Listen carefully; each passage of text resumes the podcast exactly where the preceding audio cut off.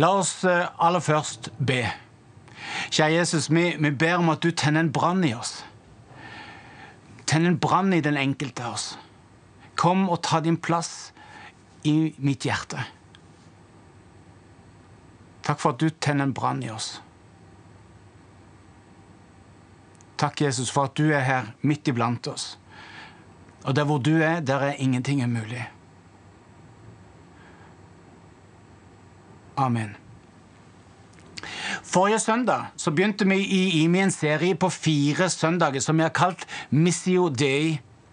Missio Dei er latin og betyr Guds sendelse, Guds misjon. Anbefaler Martin Cave sin tale fra forrige søndag. Det er noe i den talen som jeg tror er en del av et paradigmeskifte innenfor misjon. Hvor han sammenføyer ting som før har levd sine litt sånn separate liv, men som han i den talen føyer sammen og setter i system på en måte som jeg tror de kommer til å snakke om når uh, misjonstenkninga, uh, misjonsteologien, skrives på nytt igjen om en 10-15-20 år. Den må du høre på imikirka.no. Missio Dei som begrep oppsto utover 1950-tallet. Da de lærde teologer begynte å forstå nye dybder av, av, Bibelen. Mer og mer så gikk det opp for oss at uh, misjon uh, er ikke en kirkelig aktivitet. Ikke en av mange aktiviteter. Misjon er, er selve grunnen for at det oppstår kirke. Og er selve grunnen for å fortsette å være kirke. Der er det noe som jeg tror du skal notere. Misjonen er altså selve grunnen for at det oppstår kirke. Det er ingen IMI-kirke uten at det var misjon. Det er ikke din kirke hvor enn du måtte gå uten at det først var misjon. Og misjon er selve grunnen for å fortsette å være kirke. Dette er ikke vår kirke. Det er Guds kirke. Gir det mening? Det er altså Gud som definerer hva hans kirke skal være. Gud er den som sender sin kirke ut til de som ennå ikke tror. Og kirkas oppdrag er å bli med på det Gud gjør. Gud skaper bevegelse fra han sjøl og ut. Fra hans nærvær og ut. Og som elva som pipler fram fra Guds tempel i Esekel 47 så sendes Guds folk ut for å forvandle verden. Du husker, du husker, sannsynligvis historien fra Esekel 47. Denne elva som begynner helt smått. Men eh, det er ikke størrelsen det kommer an på, det er hvor den kommer fra. Den starter i Guds tempel, med Guds alter, altså i Guds nærvær, med Gud sjøl. Og så begynner det å piple fram og blitt en stadig bredere elv. Gud ser vi i historien, tar så sitt folk ut og leder ut nivå for nivå. Først helt trygt 500 meter, vannet når til anklene, og så får vi lov til å følge Herren ut på stadig dypere nivå. Ut i ei elv som bringer forvandling til forurensa hav. Helbredelse til de syke, frelse til folket, trær som bærer frukt hver eneste måned. Og de to viktige tingene å legge merke til er at det begynner i Guds nærvær. Det begynner hos Gud, og det handler om at vi blir leda ut og lar oss lede og følge etter og blir med på det Gud gjør. Vår rolle i det er egentlig ganske liten. Og langs disse to momentene er det forandring skjer. At det begynner i Guds nærvær, og at vi er med på det Gud gjør. Og når vi får lov til å være en del av den elva, så fører det til forvandling. Missio Dei-begrepet eh, En av de mest toneangivende teologene eh, er Alan Hirsch, som sammen med kona si Deb er tilbake her på IMI med seminar 27. og 28. april. Verdt å få med seg. Men det som vi oppdager gjennom denne nye tenkningen som får stadig større rom i kirka når vi kommer ut på 2000-tallet, er altså at kirka er et folk i bevegelse. Et folk som følger Jesus hvor enn han går. Et, eh, et Jesus-folk som er opptatt av å følge han hvor enn han går. Og blir med på det Gud gjør hva enn det er. Det var ideen. Det er kallet. Realiteten er litt annerledes. La oss se en video sammen.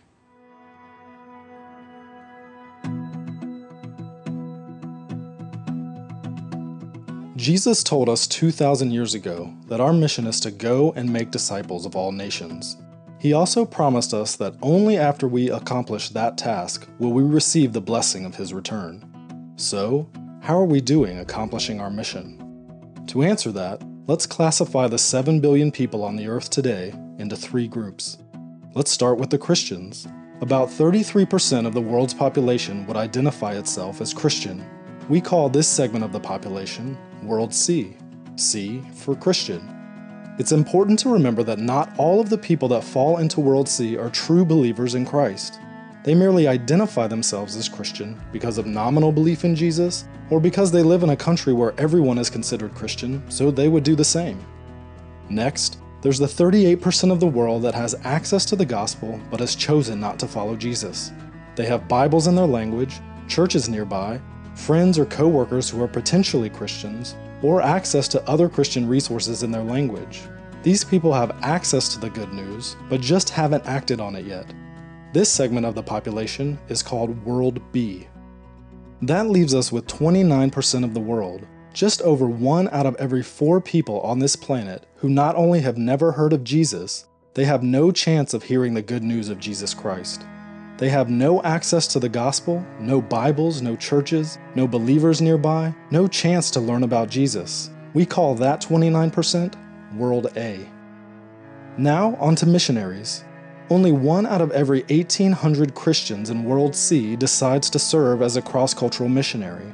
So, we can pull 400,000 missionaries out of that World C population. That's our total cross cultural missionary force worldwide. Did you know that 72% of all our missionaries are going to World C? That's right, the vast majority of the missionaries being sent out are going to the people of the world that have Bibles and established churches. 25% of the missionaries are sent to World B, where there is already some access to the church and to the Bible. That leaves only 3% of the total missionary force to handle all of World A, the section of the population without any chance of hearing about Jesus. 29% of the world has no way to hear the gospel, but we're sending only a tiny portion of our Christian workers to them. What about finances? Annually, all those Christians in World C earn a total of $42 trillion. And together, they give about $700 billion to Christian causes each year. That includes everything Christian nonprofits, churches, youth programs, missions, etc. Can you do the math? Less than 2% of Christian income is being given to Christ's causes. Out of that 700 billion given to all Christian causes, only 45 billion is given to missions specifically. That's a little over 6%. In fact, there is more money reported embezzled from the church each year than is given to missions. Remember those 400,000 missionaries? We have $45 billion to support them and their cross cultural work. But how exactly is it allocated? Well, $39 billion goes to World C every year. Yep, 87% of that missions money is being spent in areas of the world that have Bibles and churches available. 5.4 billion, or 12%, goes to World B each year, those that have access to the gospel message but have rejected it. That leaves only $450 million, or 1% of all missions money going to World A, the least reached people of the world. To put that into perspective, Annually, Americans spend more money on Halloween costumes for their pets than gets sent to World A. To summarize, only 3% of our missionary force, armed with only 1% of missions giving, is going out to reach the 2 billion people who don't have access to the gospel. 2 billion people are still waiting for the good news of Jesus Christ. So here's a question for you What are you going to do to change that?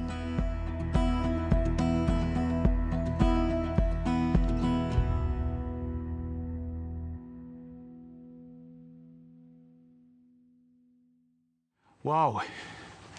Det gjør inntrykk. Jeg har sett denne filmen både fire og fem ganger nå, og jeg kjenner det tar meg.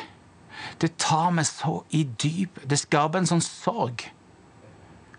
Det er noe som sier meg at, uh, at Jesus ikke kun går til denne A, denne C-verden, eller denne B-verden.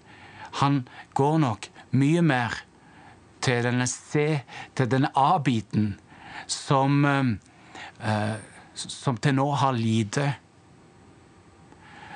nedslag av kirke, av Bibel, av kristne.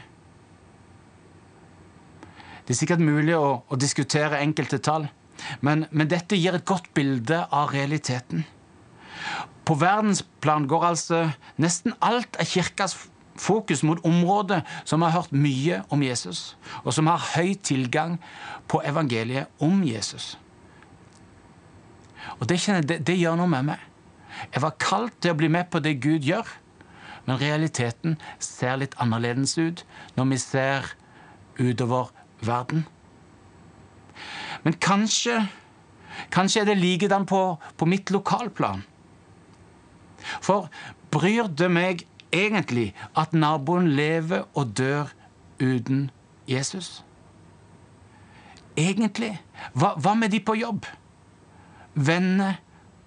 Bryr det meg at jeg for min del har alle Guds velsignelse mens det rett rundt meg er folk som lengter etter fred, frihet, håp og det å få fylle et tomrom inni seg som bare Gud kan fylle. Bryr det meg egentlig? Og bryr det meg så mye at det kan merkes på tidsbruken og i bønnene jeg ber? Jeg er materialist i min tro. Eller handler det nesten bare om meg og mine, om mine og våre behov? ber jeg Fyll meg, Herre, med din ånd, uten at det merkes blant den som ennå ikke har smakt og kjent at Herren er god.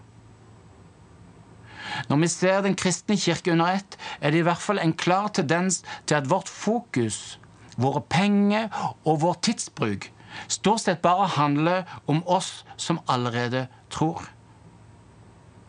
Og du vil trolig i de fleste menigheters årsrapporter se noe av den samme tendensen. Og, og kanskje når vi ser og oppsummerer vår egen pengebruk og tidsbruk, så er det noe av det samme bildet som kommer til syne. Vi har ikke tid til de som går rundt uten Gud. Det er hovedtendensen. Matteus 9,10 forteller at senere var Jesus gjest i huset. Det kom mange tollere og syndere og var sammen med Jesus og disiplene hans til bords. Dette så fariseerne, og de sa til disiplene Hvorfor spiser mesteren dere sammen med tollere og syndere? Men Jesus hørte det og sa, Det er ikke de friske som trenger lege, men de syke. Jeg er ikke kommet for å kalle rettferdige, men syndere. Her ser vi Jesu fokus. Han går til de som ikke allerede har det. Hvorfor henger du med syndere, Jesus? Hvorfor spiser du med de som ikke lever sånn som de burde? Det er derfor jeg er, sier Jesus. Det er derfor jeg er. Det er derfor jeg er. Det er derfor jeg er. Uansett hvilken dialekt, så er det viktig at du får tak i at, at det er derfor Jesus er. Helt siden Adam og Eva dro sin vei, har Gud vandra ut for å finne oss. Han forlater de 99 for å finne den ene. Han, han oppgir alt i himmelen for å bli et forsvarsløst barn. Han løp den i møte som vender hjem til han. Anne Kristin Brøns lærte meg noe som både inspirerte og utfordra. Før, sa hun, trodde ikke folk ville høre om Jesus. Men så oppdaget jeg at det var feil. Og så begynte jeg å tenke at folk gjerne vil høre om Jesus. Når vi var med Agenda 1 på Filippinene for et par uker siden, så fortalte hun om en trosprat med en kvinne på bussen. En muslimsk kvinne med sjal. Vet du hvordan denne kvinnen responderte? Hun sa, 'Jeg har bodd her i ti år.' Du er den første som har snakka til meg om tro. Oh, når jeg hørte det Det, det vrei seg i hjertet. Det, det knytta seg i magen. Jeg kjente en dyp sorg. Jeg har vært der i ti år du er den første. Da Jesus så folkemengdene, fikk han inderlig medfølelse med dem, for de var forkomne og hjelpeløse som sauer uten gjeter. Da sa han til disiplene sine, høsten er stor, men arbeiderne få. Be derfor høstens herre sende ut arbeidere for å høste inn grøden hans. Matteus 9, 36. Det stemmer altså ikke at folk ikke vil ha Jesus. Høsten er stor. Vekkelsen har aldri stoppa opp. Det er realiteten ifølge Gud. Vekkelsen er her. Det er innhøstningstid. Det bugner på frukttreet, om du vil. På tide å ikke stirre i bakken lenger, men løfte hodet, se overmoden frukt og starte innhøstninga. Gir det mening? Gud, når han ser på situasjonen, så ser han annerledes enn det som du og meg ofte sier til oss sjøl, og har danna oss som en slags type sannhet. Guds sannhet i dette er at høsten er stor. Folk vil gjerne ha det Jesus har å gi. De lengter etter det. Og det tomrom som mange går og kjenner på, det er det bare Gud som kan fylle, dypest sett. Høsten er stor. Jeg ser at vi har som kirke kjempa så mange uviktige kamper. Vi har til og med vunnet mange viktige, eller mindre viktige seire, mens den virkelige kampen nærmest er blitt avlyst pga. Av dårlig oppmøte på banen. Er litt sånn fotballgal og ser for meg Gud som løper ut på banen, ut av garderoben. Dommerne står og venter på han. Publikums jubel står i tak. You'll never walk alone runger fra tribunene. Men det er akkurat det Gud oppdager at han er. Han, han er alene. For resten av laget ble igjen inne i garderoben for å diskutere dåpssyn, eller hvor høyt lovsangsvolumet bør være, eller noen andre viktige ting. Jeg kjenner at jeg, jeg trenger å sulte meg. Jeg, jeg kjenner at sånn som dette kan ikke være lenger. Jeg trenger sulte meg. Jeg trenger at dette får lov til å, å ta hjertet mitt. Gud bygger aldri noe på dårlig samvittighet, men, men den sorgen som, som, han er i ferd med å, å gi til den enkelte av oss, den vil han la vokse til en sult først. En sult på han, Jesus, og så en sult for de fortapte. Og jeg kjenner jeg trenger denne sulten. Jeg trenger at han skaper en inderlig medfølelse jeg trenger at det vokser fram sult i meg. Sult etter å se at de som lever uten Jesus, får finne veien hjem. Sult etter Jesus og de fortapte. Sult etter at enda flere får smake og kjenne at Herren er god. Får lov til å ta imot tilgivelsen og det nye livet som Jesus vant på korset. Sult. Å, Gud, gi meg sult. Da fikk Jesus inderlig medfølelse med dem. Det, det oppmuntrer meg så mye at det står 'fikk', som om man på en måte trengte å få det utenifra. For, for det er mitt tilfelle. Jeg trenger å få dette utenifra. Så det var så oppmuntrende å oppdage at det står at Jesus fikk inderlig medfølelse. Det var ikke noe han bare hadde, men han, han fikk det. Og det gir meg tro på at det er mulig å se en endring på dette i mitt eget liv. Da fikk Jesus inderlig medfølelse for dem. Smitt meg, Jesus. Smitt meg, Jesus. Ta mitt hjerte. Sånn at det ikke er likegyldig for meg lenger om folk lever uten deg. Litt om min historie. Jeg er internasjonal leder i, min kirke. Min, min sult for de som lengter etter Gud, begynte tidlig. For eksempel så satsa jeg som 16-åring 10 000 kroner av egen lomme for å åpne en investeringskafé i, i, sentrum av Mandal eh, en sommer. Når byen bugner turister, når studentene kommer hjem igjen, når familien har god tid, så, så fikk jeg samla alle kirkesamfunnene. Eh, for mange av de satt de sammen for første gang. Og, og, og så fikk vi lov til å gå sammen i å bygge en evangeliseringskafé kafé som, som, gjorde Jesus synlig. Gjennom konserter, gjennom eh, sosialt fellesskap, gjennom å sende ut team på byen for å be for syke til å snakke enkelt om Jesus, og, videre. Som 18-åring så, så, reiste jeg til Stavanger, begynte på Misjonshøgskolen uh, for å bli misjonær og for å bli prest. Uh, har seks år fra østkanten av Paris hvor jeg fikk lov til å, å, å bygge en menighet fra, fra, ikke så veldig stort til å bli betydelig mye større enn menighet, som fikk lov til å lede folk til tro. Uh, og som etter hvert ble en menighet på 15 forskjellige nasjonaliteter. Siden 2010 så har jeg fått lov til å se over 10 000 kambodsjanere si ja til Jesus når jeg er invitert til frelse. Med egne øyne. Helt fantastisk. Likevel så, så kjenner jeg at, at, at jeg trenger noe mer.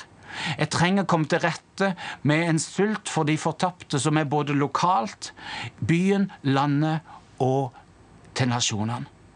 Og disse tingene går jo i hverandre i vår tid. Det er ikke indre yttermisjon lenger. Det vi erfarer og lærer lokalt, det tar vi med og gir videre ut. Og det vi lærer sammen med våre søsken i Kambodsja, i Thailand, i ulike land, på ulike kontinent, tar vi med hjem, sånn at vi kan hjelpe vårt eget folk til å finne veien tilbake til Gud. Og jeg ser at jeg, jeg, jeg vil ha mer. Jeg, jeg, trenger sult i forhold til, til, til naboene. Til de som er, tett på, som ennå ikke har sagt ja til Jesus.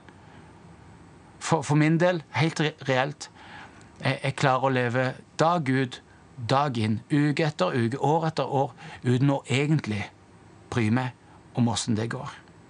Jeg, jeg, kjenner at her, her trenger jeg forvandling. Jeg har verdens mest unådde folkeslag i gåavstand fra der jeg bor og jobber, og jeg kjenner ikke min besøkelsestid. Noen har, vært, noen har eh, kanskje tre til seks måneder mens de er her, og reiser da uforandra videre. Andre har vært der i, i ti år, og ingen har gitt dem friheten, freden og frelsen i Jesus.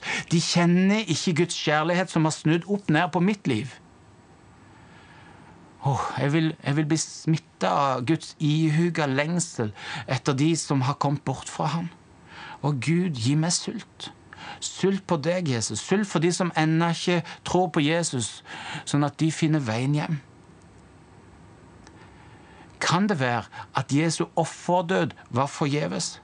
Kan frelse være gratis og lett tilgjengelig, men ukjent for halve verden fordi jeg ikke bryr meg? Kan det være noe i det? Å, Gud, gi meg sult. 7000 folkegrupper har aldri hørt om Jesus. Å, Gud, gi meg sult. De fleste muslimer tror at kristne er ute etter å ta dem, bombe dem, hate dem. Samtidig er de lei av maktovergrepene og hersinga som skjer i religionens navn. De er så, de er så åpne for ekte kjærlighet.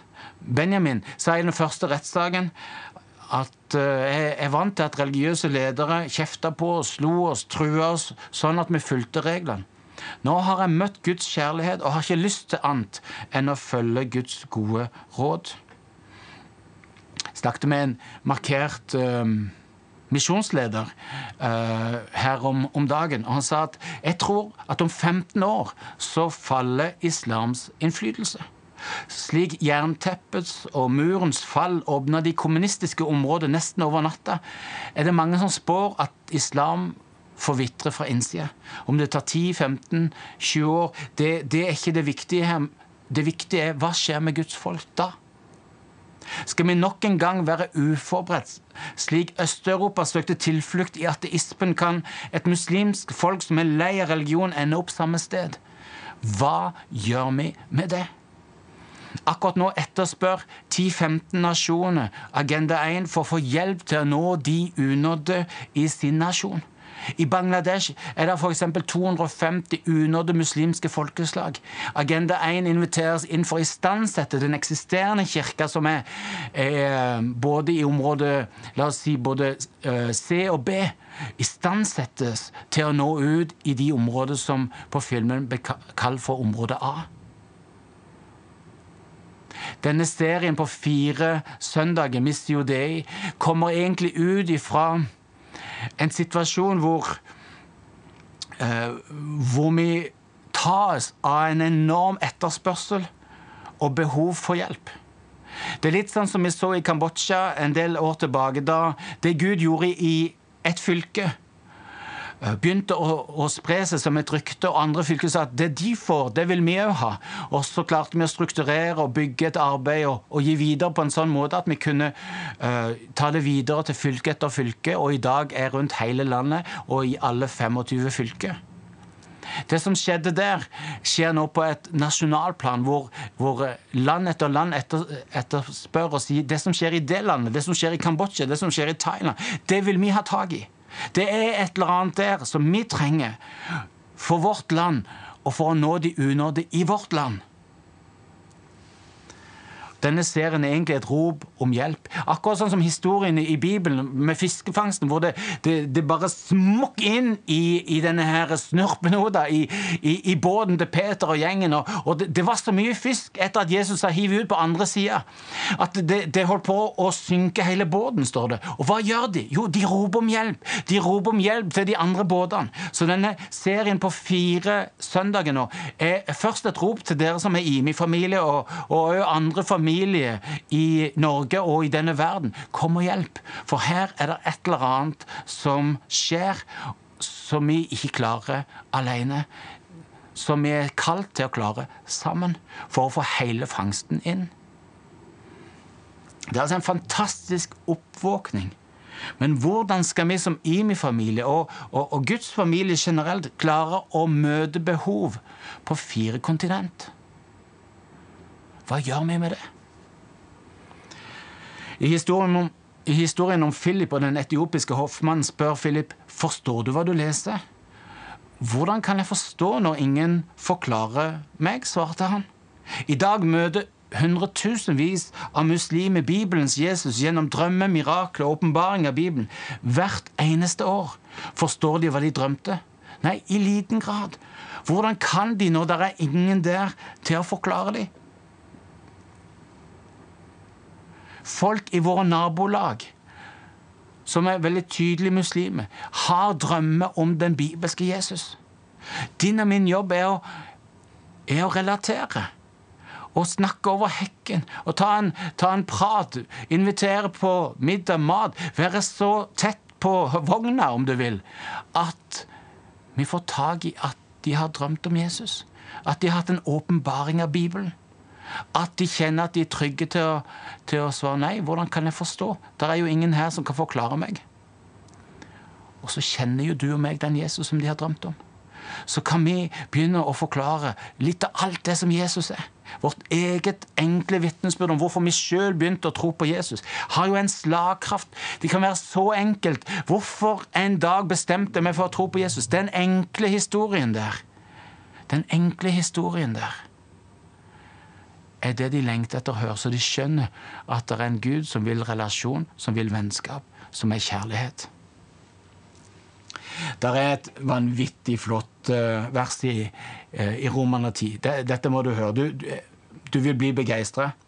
Der står det i Roman 10 at for hvis du med din munn bekjenner at Jesus er Herre, og i ditt hjerte tror at Gud har oppreist Han fra de døde, da skal du bli frelst. Kan du tenke det? Så lett, så tilgjengelig.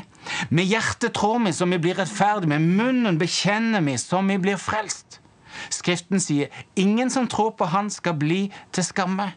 For her er det ikke forskjell på jøde eller greker. Alle har samme Herre, og Han er rik nok for alle som påkaller Han. Hver den som påkaller Herrens navn, skal bli frelst. Kan du tenke deg? Det er jo wow! Kom an, folket! Kjenner du begeistringa øke? Se her. Hvis du bekjenner med din munn at Han er Herre, og tror at Han har stått opp for de døde, da skal du bli frelst. Fantastisk! Tenk deg det. Ingen skal bli til skamme. Det er ikke forskjell på noen, og Han er rik nok for alle. Og hver den som påkaller Herrens navn, skal bli frelst. Folkens, kom on! La oss bare gi Han en kjempeapplaus applaus! Yeah! Wow! Det er jo bare helt fantastisk! Nei, oi. Uh, unnskyld. Uh, uh, det, det, det, står noe mer her. Um, min feil. Men hvordan kan de påkalle en de ikke tror på? Hvordan kan de tro på en de ikke har hørt om? Og hvordan kan de høre uten at noen forkynner? Vers 14. Wow! Hva gjør vi med dette? Gud bygger aldri noe på dårlig samvittighet, men han, han, tar vår sorg og gjør det til en sult som fører til at vi tar viktige steg tett og nærmere på folk. Hva gjør vi med dette? Hvordan, hvordan får vi endring og bevegelse i dette? Søk først Guds rike, sier Jesus i Matteus 6,33. Søk først Guds rike. Når vi, når vi, ser at å, her er det noe jeg mangler, her er det mer å erfare, her er det mer gjennombrudd å få, her, her, er, det, um, her er det flere løfter som vi ennå ikke ser tydelig nok iblant oss. La det skape en desperasjon i oss når vi hører profeti over eget liv, over, over menigheten, som beskriver ting som vi skal få lov til å vokse inn i. La oss, la oss falle på kne og rope til Gud til det skjer. Ja, vi tror ditt ord, vi tror løftene i. Bibelen. Vi tror det du beskriver som et vanlig liv i eget liv og i menighetens liv. Og vi vil ha det. Vi vil ha det. Vi, vi hiver oss på kne i bønn til Gud om at la oss få det. Og her merker jeg at det er noe for min del. Jeg kjenner at det mangler en, en bevissthet på å nå de nærmeste med Jesus, til å, til å, bruke tid til å være så nær på at de kan få merke Guds kjærlighet og få lov til å, å merke og kjenne at Han er god. Og eh, jeg tror veien min inn i å se at det, det skaper sult, at sorg blir til sult, blir til handling, er på kne. Jeg blir å falle på kne og rope i desperasjon til Gud om at jeg trenger deg. Jeg trenger mer av deg, Jesus. Og jeg trenger å få inderlig medfølelse med de som ennå ikke tror.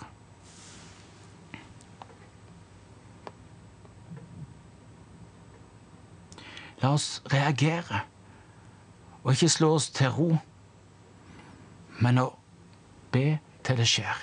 La oss be til det skjer. Nå vil jeg invitere deg som, som ser på, på denne talen på, på, nettet nå i ettertid, og dere som, som er i salen Skulle vi, skulle vi falt på kne? Det er ikke noe magisk eller spesielt hellig med det, men, men, men det hjelper oss når vi gjør noe helt bevisst så hjelper det oss inn i en bevissthet. Skulle vi, skulle vi vågt hver dag å falle på kne og rope til Gud om å få inderlig medfølelse for de som ennå ikke tror på Han? helt til det skjer noe med vårt eget hjerte.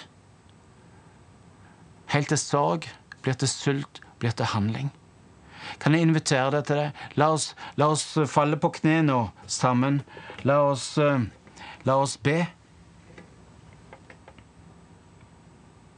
Å Gud, jeg vil se folk bli frelst i byen, landet og verden.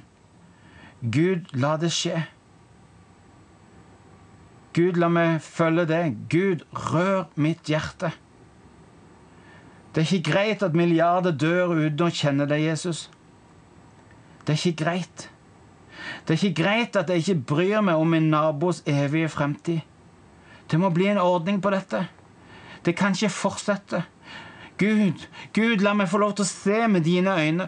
Knus mitt hjerte for de som ennå ikke kjenner deg, Jesus. La meg forfølge deg hvor enn du går. Ut til byen, til landet, til verden. Å, Gud. Å, Gud.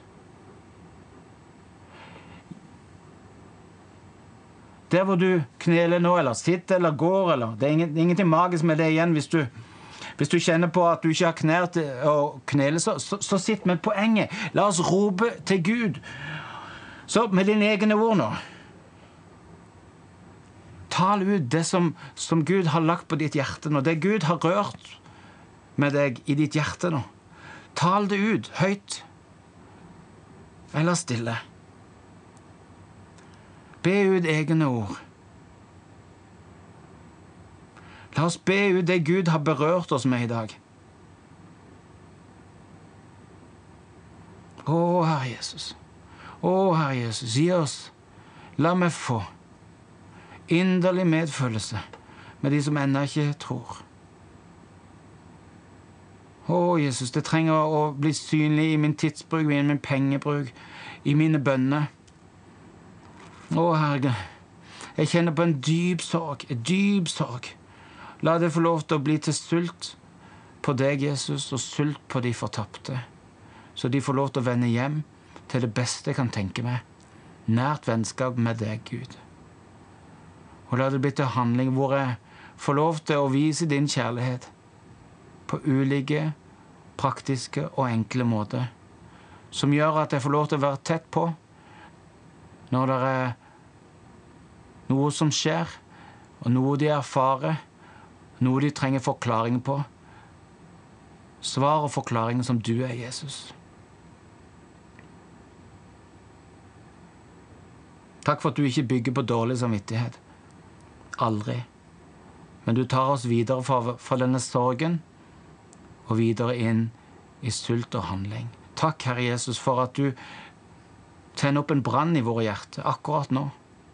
Det er folk som har båret på kall helt siden de var unge, som de av ulike grunner ikke fikk realisert, men som du i dag vekker til live igjen, og som du ønsker å si at det ikke er for seint for. Herre, du sender oss ut til byen, til landet og til verden. Takk, Jesus, for at vi får følge deg hvor enn du går. Amen.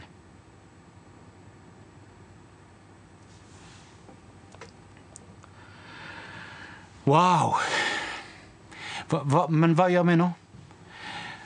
Det du kjenner på, ikke, ikke, ikke la det miste taket på det. Ikke la hverdagen nå ta det, sånn at du, du mister det som Gud rører med deg i hjertet.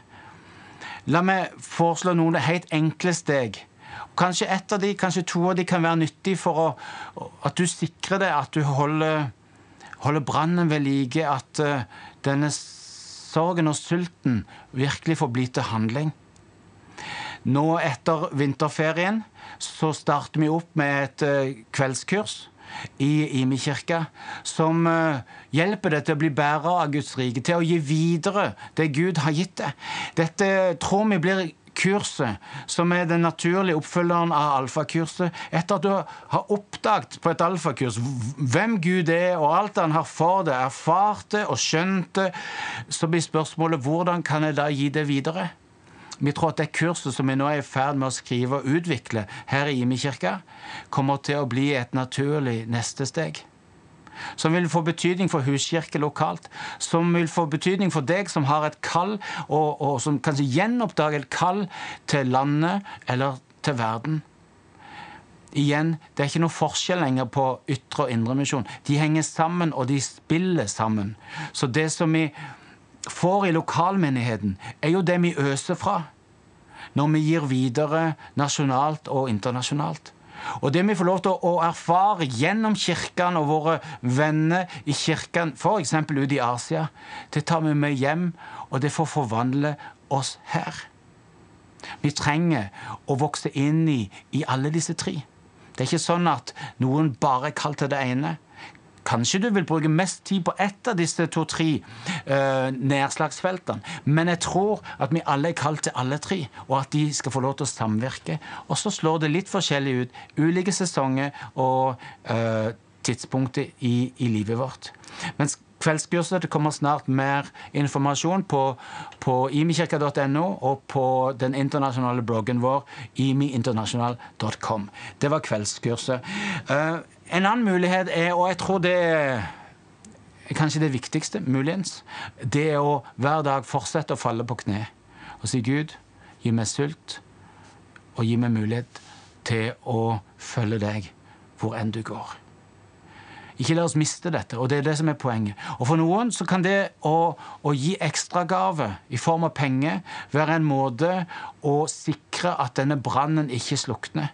Det er klart at når du, når du, gir større eller mindre pengebeløp, så gjør det noe med hjertet ditt. For noen så er det eh, en måte å sikre seg at du ikke mister det som Gud har skapt i ditt hjerte.